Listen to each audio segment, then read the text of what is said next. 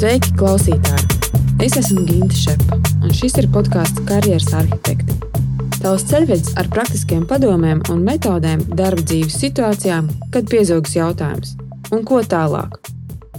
Tās būs sarunas ar cilvēkiem no dažādām industrijām, par viņu karjeras ceļiem, dažādiem veidiem, kā cilvēki realizē sevi, un pāris praktisku padomu no manis saistībā ar karjeras attīstību. Karjeras arhitektiem var sekot arī Facebook un Instagram. Tur es mēdzu padalīties ar vērtīgiem resursiem saistībā ar karjeras attīstību. Šodienas stāsts būs par to, ka dažkārt vajag aiziet prom, lai atgrieztos no jauna. Stāsts par to, kā bijušā valsts prezidenta Valda Zatlera preses sekretāra, reputācijas veidotāja uzņēmumiem Baltijā un Rail Baltica globālā fóruma radītāja pusgadu pavadot mācīties programmēšanu, atrada no jauna to, kas padodas vislabāk un kā var palīdzēt citiem. Mana viesne šodien ir komunikācijas arhitekte Ilze Rasa. Sveika, Ilze! Sveika, sveika, Ginta! Es gribu ķerties uzreiz vērsim pie ragiem, kā komunikācijas ekspertam. Kā tu sevi nopičotu 30 sekundēs, ja, ja tev par sevi trīs vārdos jāpasaka? Kas tas būtu? Nu, tas ir tas, ko tu jau Ginta teici. Tātad es esmu komunikācijas arhitekta un personīgā zīmola meistara. Te jau 20 gadu laikā es esmu palīdzējusi Baltijas valstu uzņēmumiem, to vadītājiem, kā arī Latvijas valsts prezidentam veidot reputāciju. Un tagad es lieku lietā savu pieredzi un zināšanas un palīdzu ikvienam izveidot savu personīgo zīmolu, uzspodrināt uh, komunikācijas prasmes un uh, būtībā katram kļūt par personīgā zīmola ekspertu. Es tev uzņēmu laiku, bet man liekas, ka tu, ka tu trāpīji 30 sekundēs. Tā vajadzētu būt, jā. jā, jā.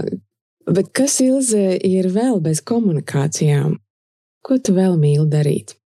Nu, Ziniet, kā, ja mēs skatāmies uz manu dzīves ceļu, ja, tad tās manas intereses, tāpat kā mana personība, tā arī mans zīmols ir attīstījies. Ja, Un tā mana mīlestība ir bijusi arī par daudzām dažādām lietām, un katrā dzīves posmā tā ir bijusi dažāda. No šobrīd, vairāk vai mazāk, tā ir mana ģimene, tā ir mana dzīvošana ārpus Rīgas, kopā ar vīru, teiksim, mazliet vai vairāk darbojoties mums, mūsu zemē, tur iekopjot dārziņu un izkopjot vispārībā, izkopjot apkārtni, kas tur ir. Un, jā, man tāda neliela aizraušanās, ko es daru, ir, es spītējot dabai, mēģinu dārzā izaudzēt augus, kuriem te nav paredzēts augt. Mūsu varbūt laika un dabas zonā, bet ņemot vērā, ka mums dabas zona mainās, tad es ļoti, ļoti ceru, ka, ka man arī var izdoties pārsteigt, ja ar kaut ko, piemēram, vistēriju izaudzēt dārzā. Ja tas ir tāds mans sapnis, man jau sešus gadus viņa aug, vēl uzziedējusi gan vēl nav.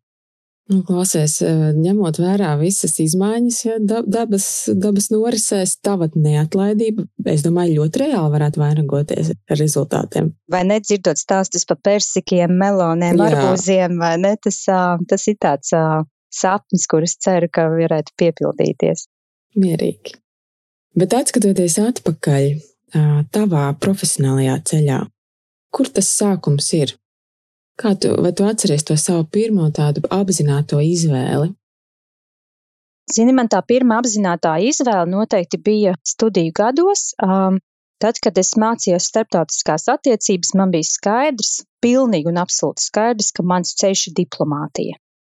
Un, uh, Kāpēc? Man ļoti patika, man vispār ļoti patika vēsture, man patika diplomātiskās attiecības, kā tās veidojās. Nu, teiksim, varbūt tas bija tāds izsapņots sapnis pēc būtības, ja?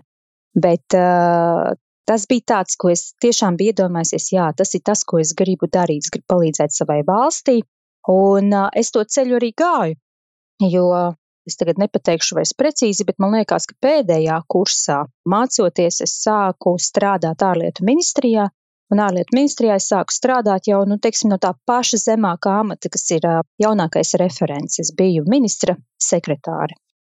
Un, uh, man likās, ok, tas ir vislabi, fantastiski apvienojams darbs bija ar mācībām, un, uh, un tādā veidā es arī tālāk veidoju to savu ceļu, ja, jo arī maģistra programma man bija, uh, es mācījos Lielbritānijā, Es mācījos Bretfordas Universitātē miera departamentā, miera studijas konfliktu risināšana, kas arī ir tāda jau ļoti fokusēta uh, joma no starptautiskajām attiecībām. Un to es darīju, kā paņemot gadu projām no ārlietu ministrijas, tā lai sevi pilnveidotu, un pēc tam arī atgriezos atpakaļ mūsu ārlietu ministrijā un sāku strādāt tur uh, preses departamentā, preses centrā uh, kā referente. Nu, lūk, un tas viss, tas sapnis par to, ka es gribu būt diplomāte, to es arī pilnveidoju, iesaistoties, attīstoties, iesaistoties jaunos projektos, kas bija ārlietu ministrijā, tur saistībā ar, ar, ar mūsu, mūsu kā kandidātu valsts statusu. Ja mēs Latvijā organizējām 2002. gadā NATO kandidātu valstu samitu, tad man bija tā iespēja vadīt un veidot visu saistībā ar preses lietām un ar, ar sabiedriskajām attiecībām šim te pasākumam. Un man šis ceļš un šis posms īstenībā dzīvē arī ir tas, kas ielika to pamatu akmeni tam, ka es sāku tālāk būtībā strādāt un darboties šajā te komunikāciju lauciņā. Jo pie šīs samita organizēšanas ārlietu ministrija bija piesaistījusi Amerikas padomniekus, Un uh, mana skolotāja būtībā komunikācija laukā, PR laukā, ir uh, Bila Klintona administrācijā strādājošā, strādājošā darbiniece Anna Vārda, kura ļoti jauki uh, strādājot ar mums kopā arī būtībā iedeva to īsto dzīves garšu un pieredzi un, un, un iemācīja, ko tas nozīmē strādāt uh, PR.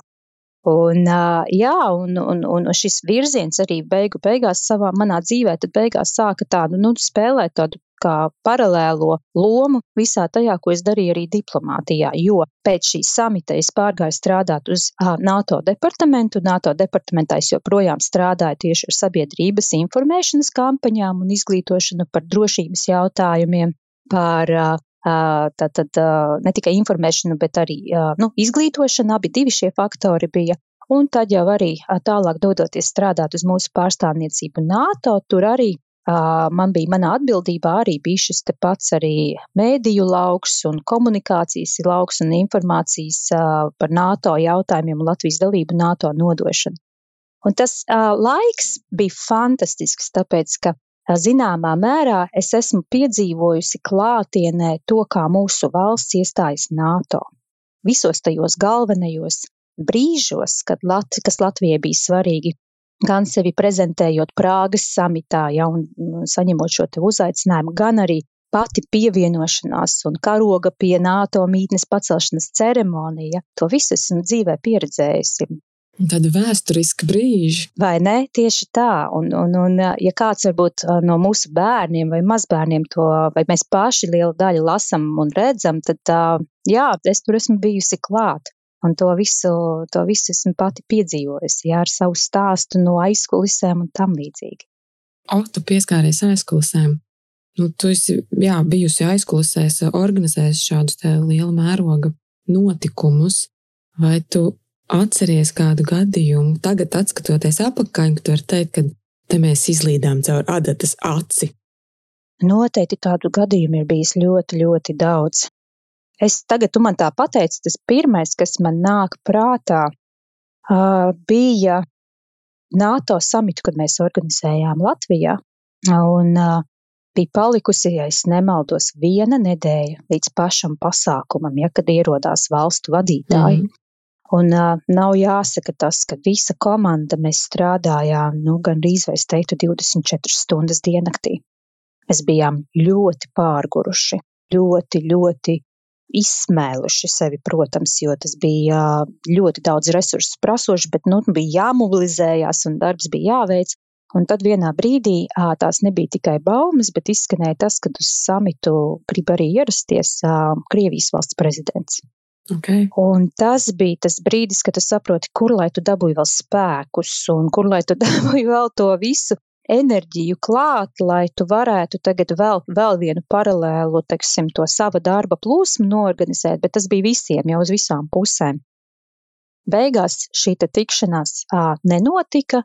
Varbūt tas, teiksim, no tāda cilvēciska skatu punkta, no mūsu kā darbinieku skatu punkta, varētu teikt, bija tāds Fū, moments, nu tā, paldies, mm. jā, nu, tiksim, es varu darīt savu darbu, kas bija plānots un salikts, un, un, un, un nav jāatrod šie te kaut kur pilnīgi neiespējamie resursi vēl sevi iekšā.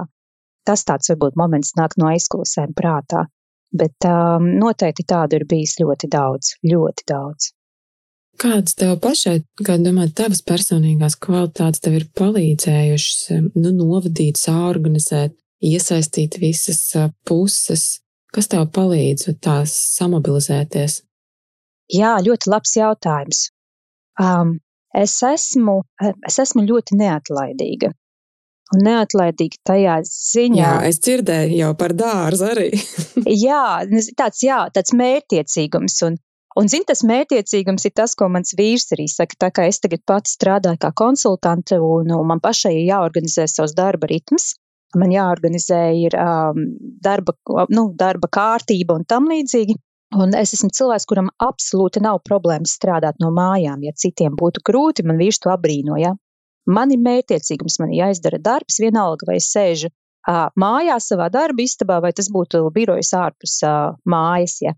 Un šis mērķiecīgums un neatlaidīgums ir man arī nu, ļoti bieži bijis, es viņu esmu likusi lietā. Ja es redzu, ka nu, tiešām kaut kas ir ļoti labs un laba ideja, un tas var strādāt, mani varbūt ar to ideju met ārā pa durvīm, bet es atkal kāpšu pa logu iekšā. Un ir lietas, ko es esmu panākusi, un esmu panākusi, lai uzklausa, lai atver prātus un, un kaut kādus risinājumus tam arī rod vai, vai ņem vērā to, ko es saku. Tā, tā ir tāda lieta, kas noteikti manā tādā dzīves gājumā ir ļoti labi palīdzējis.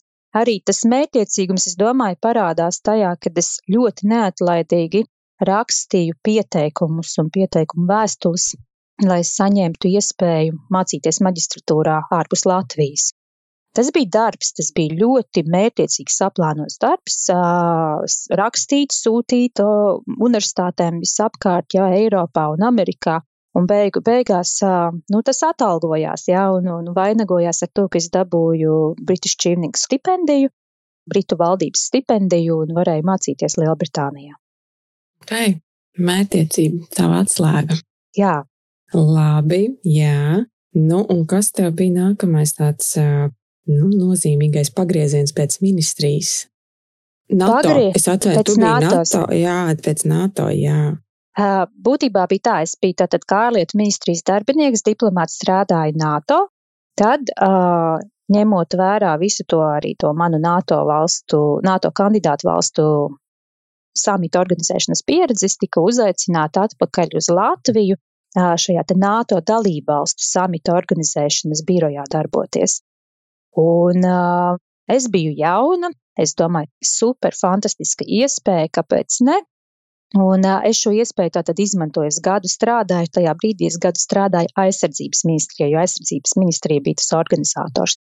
Un pēc šī saspringtā projekta ieviešanas šī gada uh, es atgriezos atpakaļ Briselē.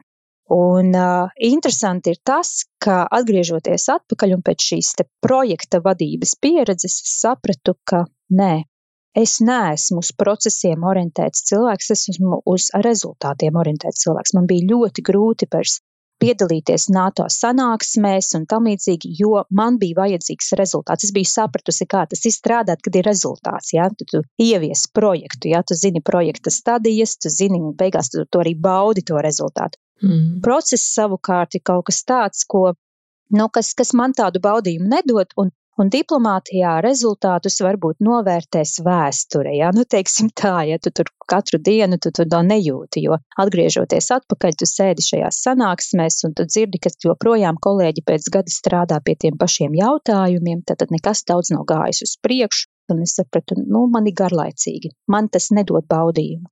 Un, jā, un tad man tieši arī nāca iespēja dzīvē, kad talantu meklētāji man piedāvāja piedalīties konkursā uz tajā laikā Statoil komunikācijas vadītājas vietu. Un cik es arī saprotu, tad iespējams arī ar Elitu Lunu mēs, kad runājām, un viņa arī, man liekas, to ir atsaukusies kādā no savām rakstiem vai intervijām, iespējams, ka man bija viena no pirmajām Skype darba intervijām kāda ir bijusi Latvijā. Arī vēsturiski. Vai ne? Jo... Tas tu veido vēsturi visur, kur tu ej. es biju Briselē un uh, aizbraukt vienkārši uz šo pirmo interviju. Tas bija gan uh, laika ziņā, gan naudas ziņā, varbūt dārgi jau, un, un, un otrā pusē tad uh, saruna ar, ar, Statoil vadītāju Baibu Rubes un viņas kolēģi noteikti bija tas, kas, kas bija ļoti interesanta pieredze. Jā, un, jā, un tad arī bija otra un vēl trešā intervijas, kuras bija klātienē, un, un es biju ļoti, ļoti gandarīta.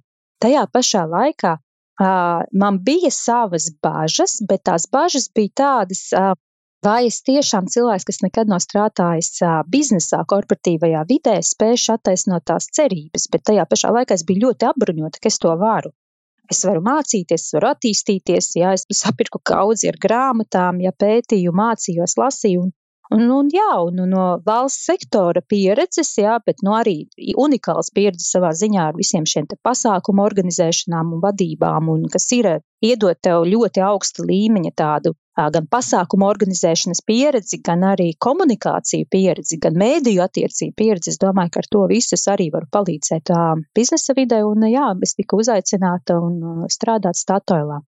Un, un tas man bija tāds kā nākamais posms, ko es gribēju sevi attīstīt. Jo es sapratu, jā, man ir šī valsts sektora pieredze, šī unikālā pieredze, ko es minēju ar milzīgiem pasākumiem, un un kāpēc man neattīstīt savu pieredzi un zināšanas, darbojoties tieši arī biznesa vidē. Jā, tu pieskāries arī savām bažām. Kas bija varbūt arī sākotnē nu, tāds lielākais izaicinājums priekš tevis no, no šī te publiskā sektora, pāriet biznesa vidē, privātajā sektorā? Nu, tur ir atšķirības, mēs zinām. Vai tu atceries, kas tev bija tas izaicinājums? No nu, lielākās bažas bija tas, ka es neko daudz par biznesu nesapratu un nezināju. Es nezināju, kas ir māržas, kas ir ebits un tam līdzīgas Jā. lietas. Es to visu mācījos, es skatījos, es klausījos ar atvērtām ausīm un acīm, jā, teiksim, kāda vispār ir biznesa gada plānošana un visas šīs lietas, tās jau nebija. Tās tu nezini, ja tu ne, neesi tajā vidē bijis, jā. Un pārējais, teiksim, tas darbs, kampaņas un, un, un, un, un kas tāds kā sabiedrisko attiecību darbs, tas vairāk vai mazāk es nevarētu teikt, ka viņš atšķirās. Viņš īstenībā ir tādā ziņā pozitīvāk ir tas, ka parasti biznesam ir vairāk finanses un tu vari daudz vairāk izdarīt. Pozitīvais cilvēkiem, kas ir strādājuši valsts sektorā, ir tas, ka viņi par daudz mazākām naudām vai citreiz vispār bez budžeta spēj ļoti daudz ko izdarīt. Ja? Kamēr biznesā komunikācijas ir pieradušas, ka viņiem ir budžets, uz kura bāzējoties viņi var iet uz atspērties un, un, un brīnumus visādus radīt. Ja? Tā kā katrai pusē ir savas puses, bet uh, savi labumi, Bet noteikti, jā, tas, tas, tas lielākais mans izaicinājums bija iepazīt un saprast to biznesa pasauli. Bet es domāju, ka paldies, ka man deva šo iespēju, uzticēšanos, un es domāju, ka to es arī attaisnoju. Cik ilgi tu pavadīji Statēlā? Cik bija tās laiks? Statēlā man liekas, ka es biju pusotru gadu, jo tad man nāca dzīvē nākamais piedāvājums, iespēja par kuru es ļoti daudz domāju. Tas nebija atbilde uzreiz, jā, kļūt par valsts prezidenta padomnieci preses sekretāri tajā laikā. Valsts prezidents bija Valdis Atlers, un uh, viņš jau kādu laiku bija bijis jau par prezidentu. Notika tātad preses sekretāra maiņa, un man piedāvāja šo iespēju ieņemt ā, šo amatu. Un atceroties to manu, arī ko es arī nesen tikko minēju, to vēlmi iepazīt uh, ne tikai valsts sektoru, bet iepazīt arī biznesa vidi un kļūt ļoti ar tādām stabilām zināšanām. Un, un, un man bija ļoti, ļoti jauks, fantastisks darbs. Man tur viss apmierināja. Ja? Tur uh, tie bija iespējas uh, ļoti statoilā, gan, tev kā darbiniekam attīstīties, gan strādāt nacionālajā, gan starptautiskajā vidē. Ja? Es burtiski ņēmu papīru un liku plusiņus uz abām pusēm, kuru man izvēlēties.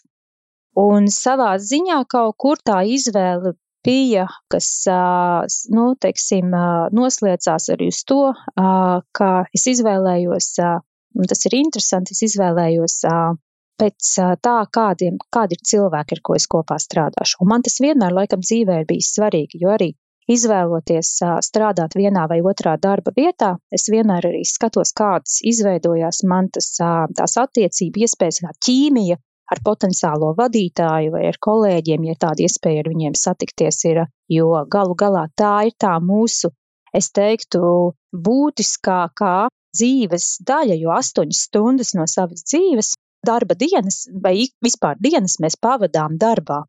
Un tad tas, kāda ir tā vide un kādi cilvēki ir mums apkārt, arī ir tas, kas, kas ir būtiski. Un, jā, un tad es pieņēmu to lēmumu. Protams, ka es arī sapratu, ka tas ir tāds augstākais, zināmā mērā, punkts manā arī komunikācijas uh, eksperta karjerā. Būt par valsts prezidenta preses sekretāru arī ļoti izaicinoši. Uh, nav jau tā, ka tu to darbu dari un lec tajā visā iekšā, ka tu zinātu un saprastu vispār uh, visu, kā tur un kas un kā ir vajadzīgs. Tas tā kā es saku, ka neviena skola nesagatavo kļūt par valsts prezidentu. Nav neviena tāda skola. Es tieši par to domāju, jā, tu taču nezini, vai ne? Nezinu, tur, tās, jo valsts prezidentam parasti no viņa tiek prasīts tas, kas ir, nu, varbūt apvienojumā piecu, sešu cilvēku gan zināšanas, gan prasmes, gan ļoti būtisks arī šīs soft skills lietas. Ja? Tā arī tas arī iezīmē to pārējo darbinieku darba lauku, zināmā mērā arī, jo, jo īpaši jau, teiksim, manā, manā jomā, ja tu ej strādāt, teiksim, ja tu ej strādāt, teiksim, juridiskajā birojā, tu zini, ka tev būs kaut kāda konkrēta specializācija, ja? Bet strādājot pie valsts prezidenta, kā preses sekretāram, tev būtībā līdzīgi kā arī valsts prezidentam ir jābūt sapratnē par ļoti dažādām nozarēm un par ļoti daudz un dažādiem jautājumiem. Jo prezidentam ir jāpauž attieksme, viedoklis, pozīcija. Nu, tad te var būt sociāla rakstura jautājumi, te var būt likumdošanas, juridiska rakstura jautājumi, ekonomiskie jautājumi un tam līdzīgi. Ja? Un uh, tas liek atkal atvērt prātu, atvērt savu, nu, teiksim, interesi par dažādām nozarēm, mācīties, klausīties, jā, un ļoti daudz, protams, manā gadījumā tas bija sadarbība arī ar a, prezidenta padomniekiem konkrētajos jautājumos, jā, un a, šo informāciju no viņiem pēc iespējas vairāk arī uztvert un, a, un atbalstot, jā, un darbā, darbā strādājot ar valsts prezidentu. Ļoti izaicinoši, jā. O, jā, es ticu, zini, Tā visu rudenī, man liekas, ka nu, pusi pasaule, es arī es sekoju līdzi ASV prezidenta vēlēšanām, un tā skaitā, protams, arī, nu, kas notika tajā mediju telpā, ja, gan Trumpa kampaņā, gan arī Jā. Baidena, un tad es vienmēr pie sevis, es domāju, Dievs, es negribētu būt Trumpa preses sekretāra šajā brīdī, nu, nekad, nekad dzīvē. Man tā spriedze, ka tu visu laiku dzīvo tā kā uz pulvera mucas. Jā, nu tā, teiksim, to, to, protams, Amerikas prezidenta darbs un Latvijas prezidenta darbs, es domāju, atšķirās. Mums ir arī uh, citas atbildības. Uh, viņiem uh, prezidentam ir daudz plašākas pilnvaras nekā mūsu valsts prezidentam, ja?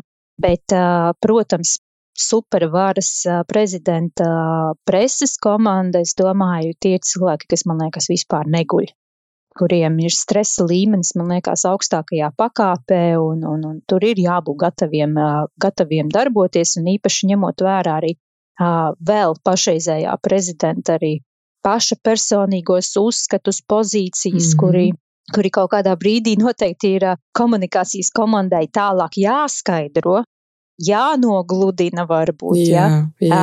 jā, jāskaidro tā, lai pareizi uztvert un tam līdzīgi. Nu, tā, tur tā darba ir ļoti, ļoti daudz. Un kampaņu ietvaros es domāju, ka tur, tur ir vēl, nu, tas darbs ir dubultā, jo tā, tā ir cīņa.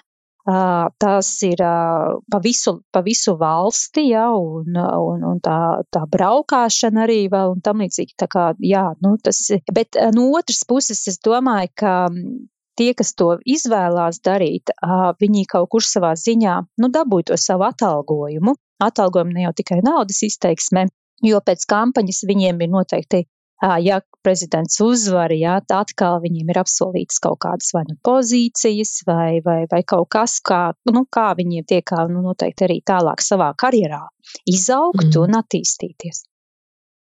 Ja tu vēl esi spējīgs pēc tās frontes, uz frontes līnijas pavadītā laika. Bet, nu jā, nu, protams, cilvēki, cilvēki ir dažādi un tās izvēles katram ir savas. Tieši tā. Nu, labi. Nu, un kā tu teici, jā, būt uh, valsts prezidenta preses sekretāram, tas jau komunikācija cilvēkam ir jau sasniegt virsotni. Nu, kas, kas pēc virsotnes, kas tālāk? Es pirms es gāju ja, un pieņēmu šo darbu pie valsts prezidenta, es sev apsolīju, es atgriezīšos atpakaļ biznesa vidē. Jo es gribēju tur turpināt, nostiprināt tās savas zināšanas gan par to, kā biznesa veidojās, gan veidot šo pieredzi. Un pēc tam, kad es beidzu savu darbību kā valsts prezidenta preses sekretāra ar to, ka arī nu, valsts prezidentam beidzās viņa pilnvaru termiņš, man bija kāds brīdis, lai es varētu ļoti godīgi teikt, atpūstos. Jo tas, tā intensitāte, kādā mēs strādājām, un jāsaprot, ir tieši tā, ka, ja tu esi valsts prezidenta preses sekretārs, tev nav brīvdiena, tev nav iespējas pilnībā atslēgties. Un ir bijušas reizes, kad es ar ģimeni ieplānoju, jau esam visi saģērbušies un domājam, oh, brauksim tagad ziemā uz kalnu slēpot, un tev zvana valsts prezidents, un tu saproti, ģimene brauc un tu paliec mājās strādāt. Ja? Tu neslēpos. Tu jā. neslēpos, mm -hmm. jā. Un, un tādi ir daudz un dažādi brīži, kad tu saproti, ka tas ir tas cilvēks pēc būtības, kurš vienmēr ir klāt pie visādiem gan pozitīviem, gan arī, nu, jāsaka tā, krīzes, krīzes situācijām un laikiem. Un šo krīžu, protams, ņemot vērā, ka es biju pie valsts prezidenta, krīzes Latvijas, nu, mūsu, kas bija ekonomiskā krīze, ja, tas 7., 8., 9. Mm -hmm. gads, ja, tad tā bija krīzes prezidentūra ļoti lielā mērā. Un būtībā kaut kādā ziņā, ja mēs runājam par krīzes menedžmentu, ja, zināmā mērā tā jau kļuva par tādu kā ikdienu. Nu, lūk, un tad uh, pilnīgi dabiski ir pēc šāda darba, kur tu esi ļoti daudz laiku ielicis, atpūsties, atgūties. Jā, kaut kur jau arī izdegšanas sindroms ir iekšā un, uh, mm. un, un saprast arī tālāk, ko darīt. Un tad, uh, jā, un tad uh, es pamanīju to iespēju. Man īstenībā šī iespēja tika piedāvāta piedalīties uh, konkursā uz apdrošināšanas sabiedrības balta komunikācijas vadītāja lomu. Man tas likās ļoti interesanti, jo apdrošināšana kā nozare man kādreiz likās, nu, es domāju, ka daudziem cilvēkiem tā ir liekas garlaicīga, tāda ļoti varbūt sausa un tam līdzīga. Bet no otras puses es redzēju tās tāds atkal kaut kāds savs tāds varbūt spītīgums vai mērķiecīgums manī iezibējies iekšā un domāju, nē, nu jāpārbauda, vai tiešām tas tā ir. Un uh, redzot arī un tiekoties ar uh, uzņēmumu vadītāju tajā laikā, uh, tas bija Anglis, jo Balta tajā laikā bija arī RSA grupas sastāvā, Un, jā, un, un, un, un šīs intervijas laikā man izveidojās, es uzskatu, ļoti labs kontakts ar tās vadītāju. Es sapratu, tas ir tas cilvēks, ar kuru es noteikti kopā gribu strādāt. Viņš ieinteresēja, viņš parādīja, un man radās tiešām vēlme šajā kompānijā un nozarē darboties. Pārliecināja. Nu, lūk, un, jā, un es sāku strādāt apdrošināšanā, un atklāju ļoti interesantas lietas, veidoju arī šo komunikāciju par apdrošināšanas tēmu. Ne tikai ar, ar, ar, ar, ar ceturkšņu gada pārskatiem, ar finanšu datiem un tam līdzīgi, bet meklēju, meklēju interesantus faktus, datus un, un uh, interesantas lietas, kas, kas komunikācijas ziņā varētu padarīt arī interesantāku un aizraujošāku šo nozari. Tu biji atpakaļ biznesā, tā teikt, ja? Jā, es biju atpakaļ mm -hmm. biznesā un īstenībā es jutos, es jutos ļoti labi. Un, jo tā bija iespēja gan mācīties un turpināt to, ko es biju iesākusi Statoilā, jo Statoilā es sāku jau tas bija vēl tajos laikā tādiem aizmetņiem, darboties ar visiem ilgtspējas jautājumiem un palīdzēt uzņēmumam ilgtspēju attīstīt. Tad arī Baltā mēs to pašu darījām. Um, veidoju, jā, teiksim, to, lai, lai uzņēmumā visa tā arī nu, ietekmētu, lai visa filozofija sekotu tam ilgtspējas modelim un, un, un, protams, dalības ilgtspējas indeksos un vispārējās šīs skaistās lietas arī bija manā pārziņā. Nu, brīnišķīgi. Tu esi bijusi saistīta arī šobrīd ar, ar, ar bieži pieminēto Rail Baltica projektu. Jā. Jā. Jā. Nu, pastāsti, kāda, kādas tev attiecības ir ar Rail Baltica? Uh, es ļoti, ļoti mīlu šo projektu, uh, kā, kā iespēju mums, uh, Baltiešiem, kā iespēju arī citiem Eiropiešiem, lai uh, nonāktu līdz Baltijai, lai sasniegtu Baltiju, izmantojot uh, vienu no visiem tādiem saudz, vidēji saudzīgākajiem ceļošanas un pārvietošanās transporta līdzekļiem, arī Es pati tā kā braucu uz Rīgu ļoti daudz, es pārvietojos tieši ar vilcienu. Šobrīd, varbūt Covid laikā tas mazāk ir, bet vilciens ir tas transporta līdzeklis, ko es ļoti augstu vērtēju. Jo mums katram cilvēkam vilcienā ir iespēja kvalitatīvi pavadīt savu laiku. Proti, mēs varam strādāt, ko es arī darīju. Ja, tu vari izmantot savu datoru, daudzos vilcienos ir internets vai uztaisīt hotspot uz telefona. Strādāt, lasīt, klausīties podkāstus, nu, būtībā pavadīt laiku priekš sevis un meditēt kaut vai, ja, aizver acis un meditē vilcienā. Mm -hmm ko tu nevari darīt, sēžot pie stūres automašīnā noteikti. Jā, jā, jā, es pilnīgi piekrītu. Tas ir, un otrs ir, ka uh, vilciens vienmēr uh, iebrauc iekšā nu, centrāli pilsētā. Un ir ļoti, teiksim, šī stacija ir ļoti labi savienota. Un man tas liekas kā tāds veids, es pati esmu tāda vilciena fani, un tāpēc arī man ļoti patīk tā ideja, ka iesēžoties Real Baltikā varētu ļoti ātri aizbraukt gan uz Helsinkiem, gan uz Vāršavu, un tad jau tur nākotnē arī, arī tālāk. Uh, jā, mans, uh, mans sapnis varbūt par Baltiku bija vēl plašāks. Uh, tā, tas tāds dalītāks um, bija ar Baibu Rubesu, kura mums vadīja ārbīrēlu kā tādu, jo tā mūsu sapnis bija par to, ka izmantot šo te projektu, šo infrastruktūru, lai pēc iespējas šobrīd dotu ar vien lielāku labumu, kaut vai, ja mēs runājam par Latviju, bet vispār kopumā Baltijas sabiedrībai. Neskatīties uz to tikai kā uz infrastruktūru, kas tiek uzbūvēta, ja atjaunota stacija un sliedes, bet domāt to tādā ļoti plašā ekonomiskā griezumā, izveidot biznesa hubus ap stacijām. Jā, varbūt ar, tajā laikā vēl ļoti bieži varējām runāt par koprades telpām un tādām, ja tad Covid vēl nebija noticis. Jā. Domāt par to, ka stācijas, kuru vispār, teiksim, ja mēs paskatāmies apkārt, kas notiek, jā, viņas veido savu, savu tādu tā kā vidi, jā, kur, kur, kur do, tiek dota iespēja kaut vai jaunajiem uzņēmumiem vai vietējiem uzņēmumiem izrādīt un parādīt savu produkciju un turpat ar to darboties. Dot to iespēju tādam biznesa atspērienam lielākam. Ja?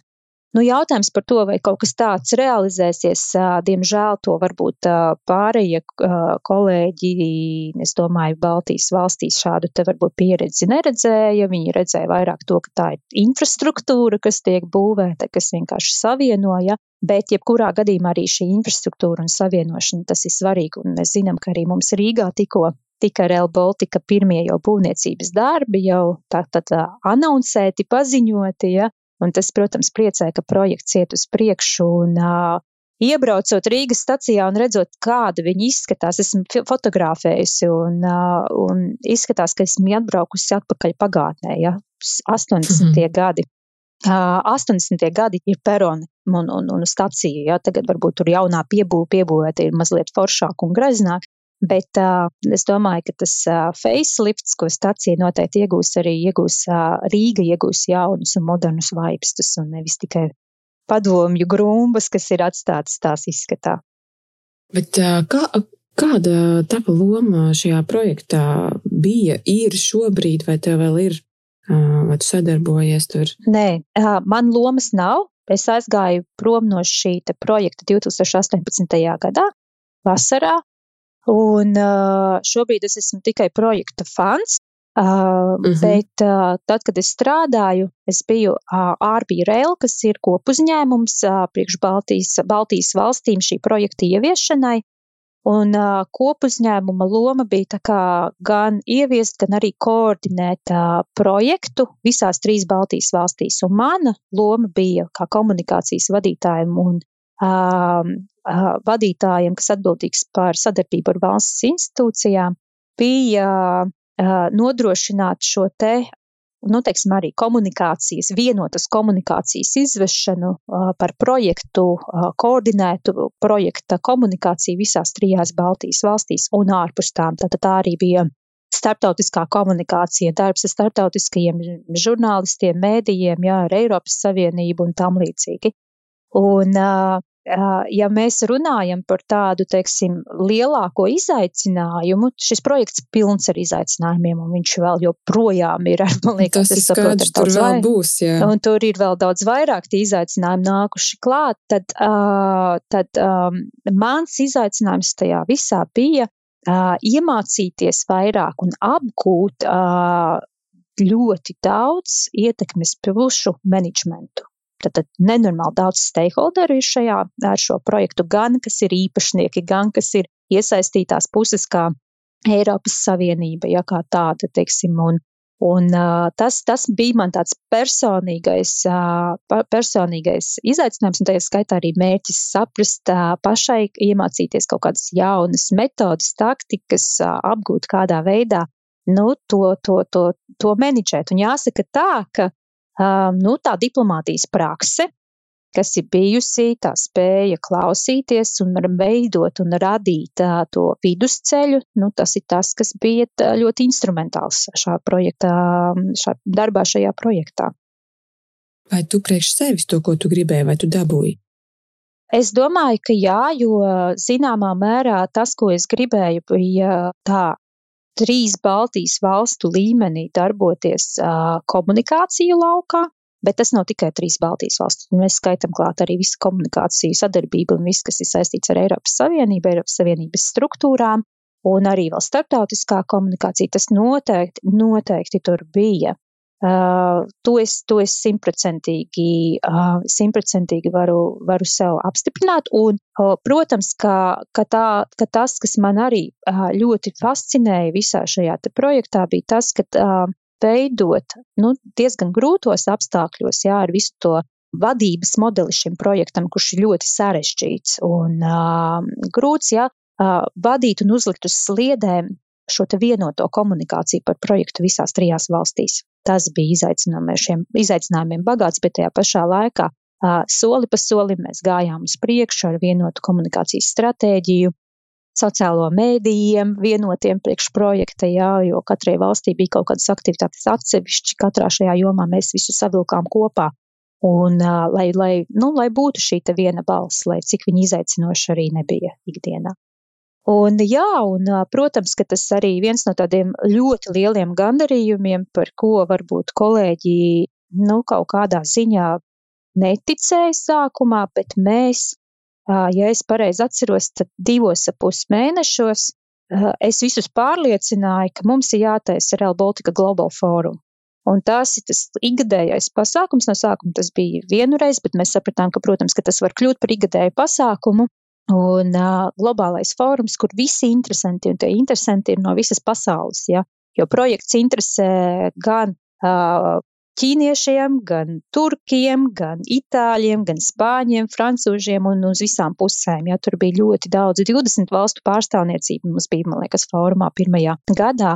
Un, un, un tā ir tā iespēja mums arī parādīt, kas notiek ar vienoto kopīgo Real Baltica projektu. Un, ņemot vērā arī manu dalību un organizācijas pieredzi ar dažādiem valsts līmeņa pasākumiem, ja, tad, jā, mums bija iespēja un mēs salikām, uztaisījām šo tādu arī ar, ar politisko, politisko bloku šajā fórumā, kur mums piedalās visu trīs Baltijas valstu ministri, kur mums piedalās augstas amatpersonas no Eiropas Savienības, lai redzētu to, kā, nu, kā tad visas, visas valstis un, un arī Eiropas Savienība visu šo projektu skatās.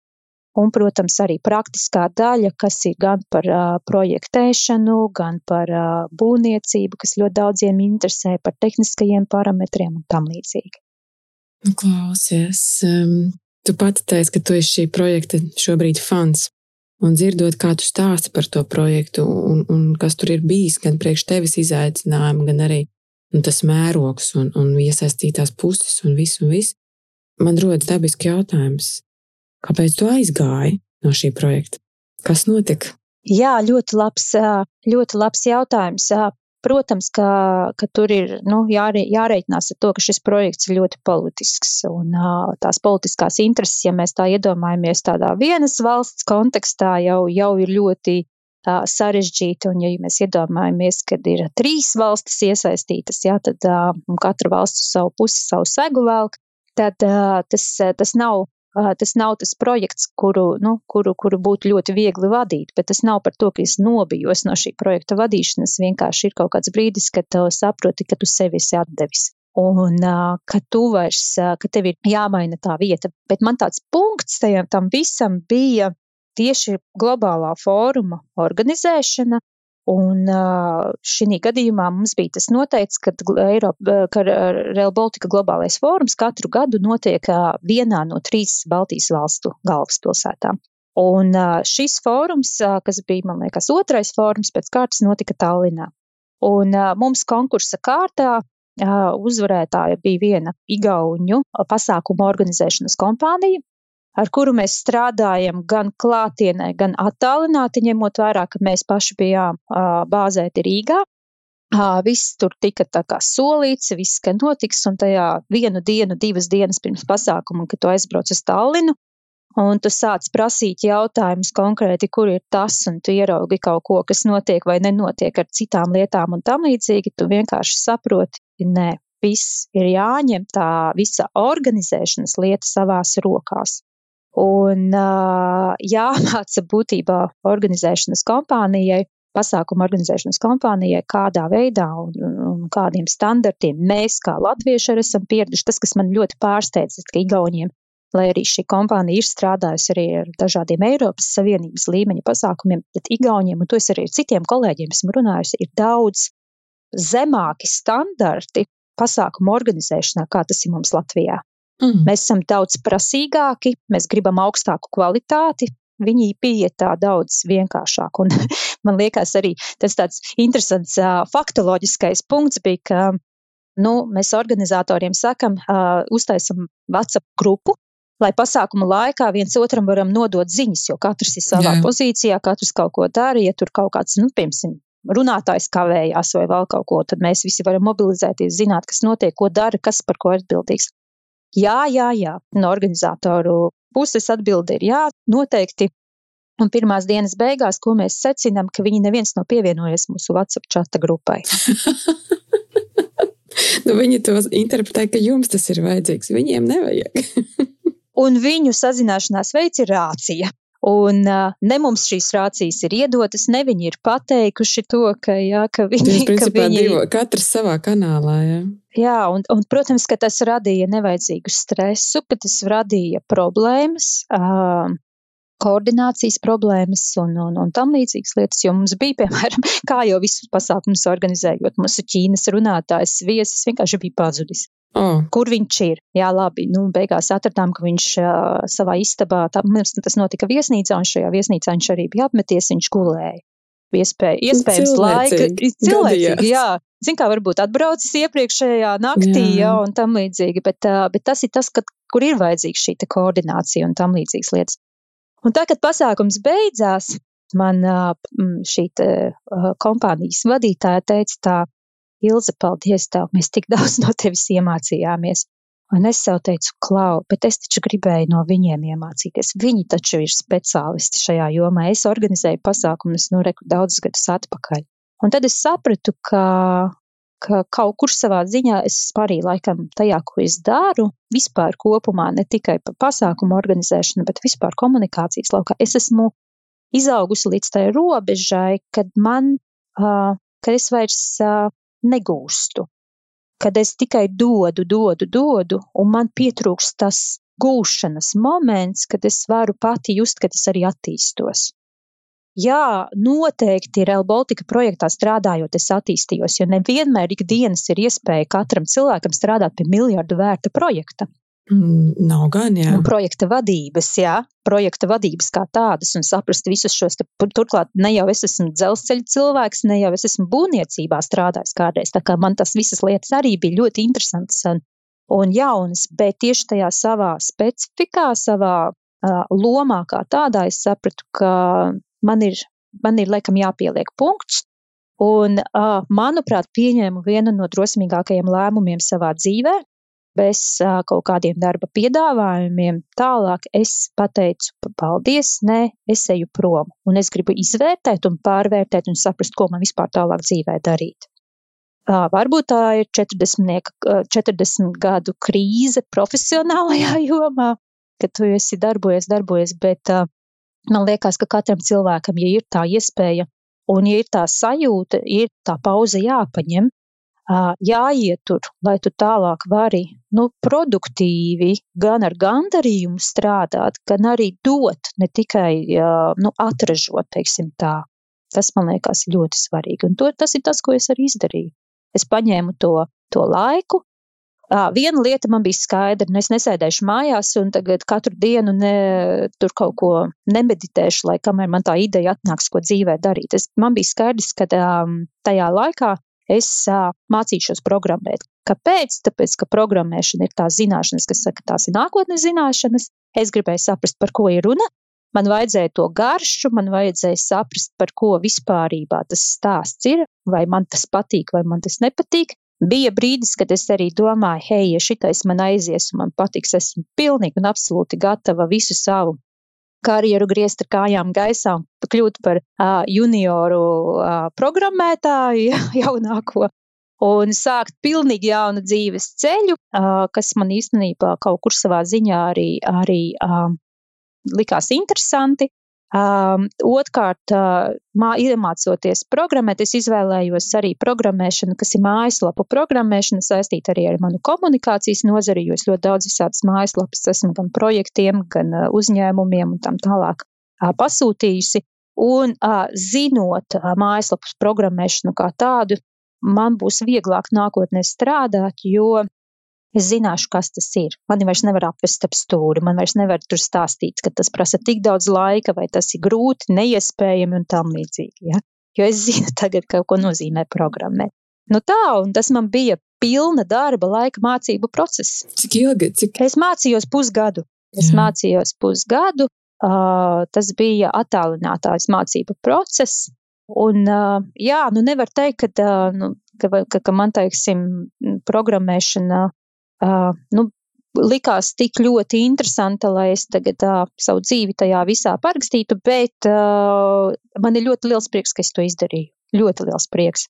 Un uh, programmēšana zināmā mērā tās visas valodas, kas ir, nu, tās ir valodas. Un ja tu viņas nepraktizē, viņas arī aizmirstās.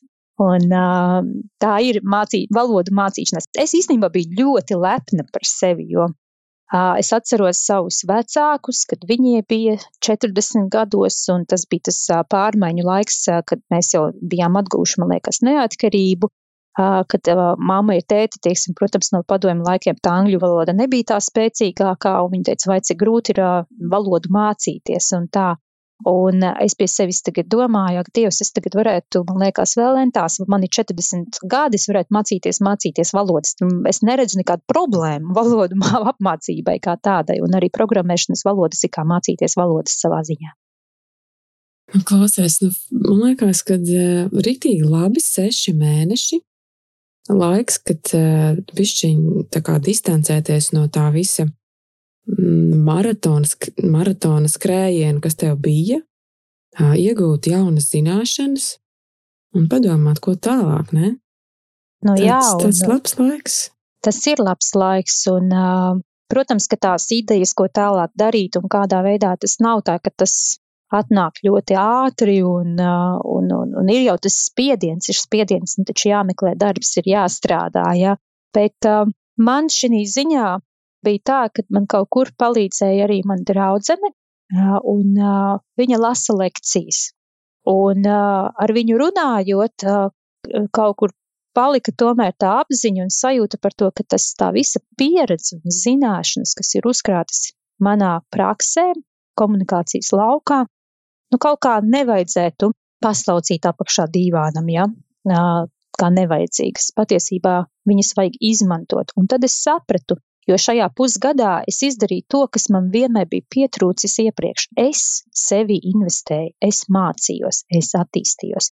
Pirms tam strādājot, jebkurā vietā, bija tik daudz darba, kad iet uz kaut kādiem kursiem, iet kaut kur mācīties. Jā, es mācījos valodas paralēli, kaut ko darīju, bet tā, ka attīstīt savā jomā, tālāk man tās iespējas bija maz, un tas ir tas, ko man ļoti vajadzēja. Un es zināju, ka īstenībā tas ir ļoti liels motivators man jebkur un jebkurā darba vietā, ka man ir iespēja mācīties, attīstīties. Redzēs, arī stāstīju par to, ka iepazīt biznesa pasauli, kādā veidā biznesā notiek komunikācija un viss tā, viss ir mācīšanās. Un šis pusgads bija tieši tam, kad es veltīju sev, un es tik daudz ko apguvu, ja apgūtu tieši šajā digitālajā vidē un pasaulē, un sapratu, hei, man gribās tagad dalīties, man gribās cilvēkiem dot un pastāstīt par to, ko es esmu uzzinājusi, iemācījusies, ja, kā viņi var uzspodrināt savas komunikācijas prasmes un arī, teiksim, ja mēs runājam par personīgo zīmolu, ja kādā veidā veidot gan personisko zīmolu ar, ar, ar dažādām šīm komunikācijas metodēm, bet arī tas, ko es biju atklājusi un kas man bija pietrūcis manā komunikātoru darbā, arī ir dažādi šie brīvrīki, digitālie brīvrīki, kas mums dod iespēju, neinvestējot gan vispār nekādas naudas, kļūt par māksliniekiem, kļūt par, kļūt par sava vizuālā tēla, digitālā vizuālā tēla komunikācijas nu, pārdevējiem. Ja? Jo digitālie brīvrīki mums visiem pieejami, viņi ir bez maksas. Es tieši par tiem brīvajiem rīkiem mm -hmm. domāju, ja, lai veidotu vizuālo komunikāciju, vai tās ir prezentācijas, vai tie baneri, baneri sociālajos mēdījos, vai tās ir mājaslapas. Starp citu, mājaslapas arī var izveidot bez maksas, ja zini, kur to darīt. Jā, protams, nedomājot par mājaslapu, kuru tu gribi veidot pārdošanas nolūkiem, lai tur pārdotu savus produktus vienkāršas, ko es saucu par profilu lapām, bez maksas var izveidot ik viens cilvēks, ja vienkārši zina, kur to darīt. Un tas man likās, ka šīs ir tās lietas, ko cilvēkiem stāstīt.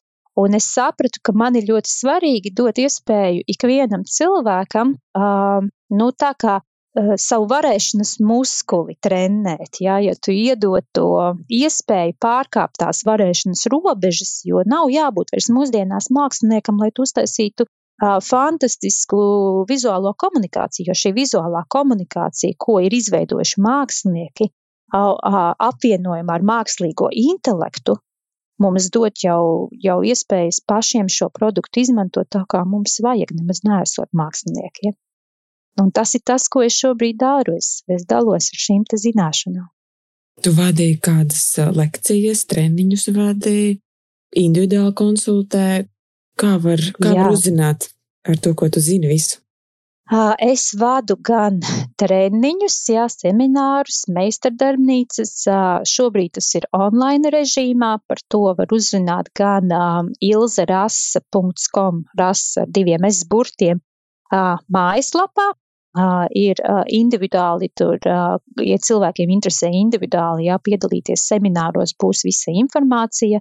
Um, un, uh, jā, un arī, protams, ir iespēja arī individuālām konsultācijām, ko cilvēki izmanto. Mēs uh, konkrēti strādājam, esmu palīdzējusi veidot gan vizuālo tēlu uh, personīgajam zīmolam, gan mājaslapas. Šobrīd strādāju arī pie klientam, pie podkāstu izveides un uh, kontekstā ar visu personīgo zīmolu. Un, Un, un, un, protams, es arī dodu iespēju un sadarbojos ar ļoti daudz organizācijām, ar, ar, ar uzņēmumiem, kuriem ir interese arī stiprināt savu darbinieku personīgos zīmolus tādā veidā, lai darbinieki ar savu personīgo zīmolu celtu sava darba devēja tēlu un arī korporatīvo reputāciju. Jā, tur tas ir, ko es saucu par par divu zīmolu tandēmu, korporatīvā zīmola un uh, organizācijas zīmola un personīgā zīmola darbinieka zīmola tandēms. Ja kopā sadarbojoties, abi divi gūst labumu un abiem diviem ceļas reputācija.